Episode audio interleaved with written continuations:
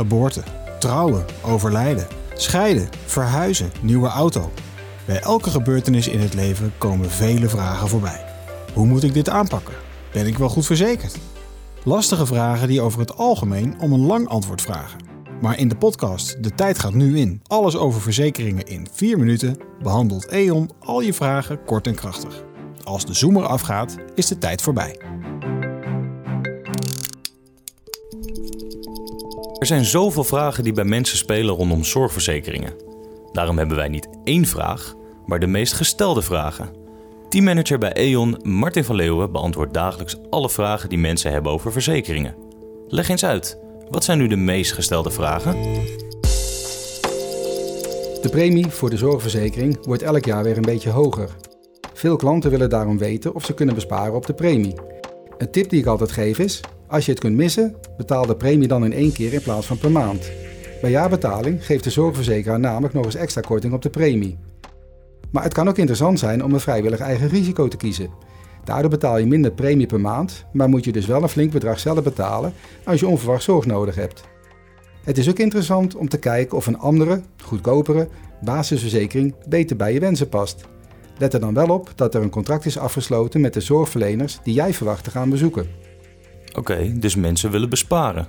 Wat willen ze graag nog meer weten? Ja, een vraag die ook vaak gesteld wordt is: wat valt er nu eigenlijk onder de aanvullende verzekering? Heel kort gezegd, daaronder valt van allerlei zorg die niet vergoed wordt vanuit de basisverzekering. Denk hierbij bijvoorbeeld aan de tandarts of fysiotherapeut. Het is wel goed om van tevoren te checken of de vergoedingen opwegen tegen de extra premie die je betaalt voor zo'n aanvullend pakket.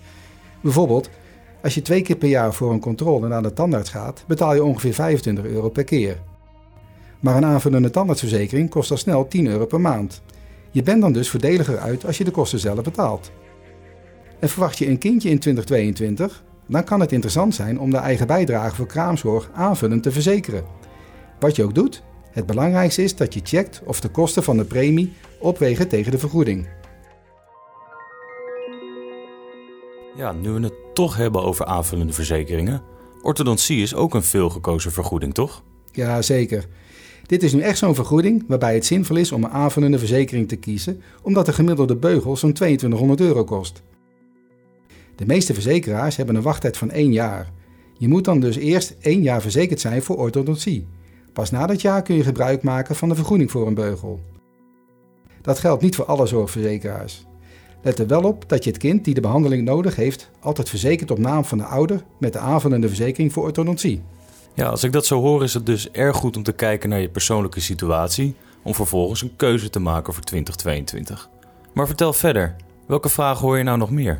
Nou, een andere veelgestelde vraag gaat over het zogenoemde preferentiebeleid voor geneesmiddelen.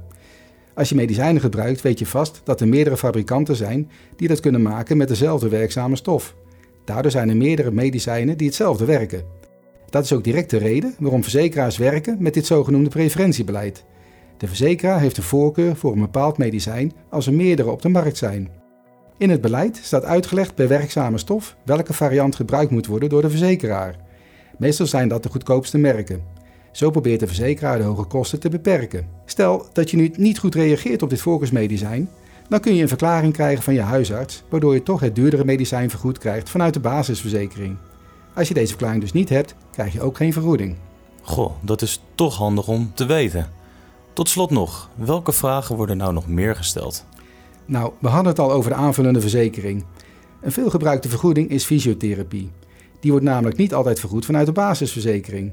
Dat kan alleen maar als je een chronische aandoening hebt. Je krijgt de fysiotherapie dan vergoed vanaf de 21ste behandeling. Mensen willen weten wat het verschil is tussen fysiotherapie voor chronische klachten en aandoeningen en wanneer het onder acute zorg valt. Reuma, een chronische ziekte, valt bijvoorbeeld niet onder deze regeling. Sorry hoor, Martin, dat ik je even onderbreek. Ja? We zitten toch uh, vast aan die vier minuten. Maar ik denk dat de luisteraars wel begrijpen, nu zeker met de laatste van het jaar, dat we nog heel eventjes doorgaan. Dus maak vooral even je antwoord af. Oké, fijn. Uh, om zeker te weten dat je een vergoeding krijgt uit de basisverzekering, is het verstandig het eerst met je zorgverzekeraar te bespreken. Ook de fysiotherapeut kan je meer informatie geven. Als je een chronische aandoening hebt die op de lijst staat, moet je voor vergoeding van de eerste 20 behandelingen wel een aanvullende verzekering afsluiten. Daarna hoeft dat niet meer. dan wordt fysiotherapie vergoed uit de basisverzekering. Let hierbij wel op de maximale behandelduur, want hier kan de verzekeraar bepaalde eisen aanstellen. Ook als je wisselt van zorgverzekeraar, worden de behandelingen gewoon vergoed vanuit de basisverzekering.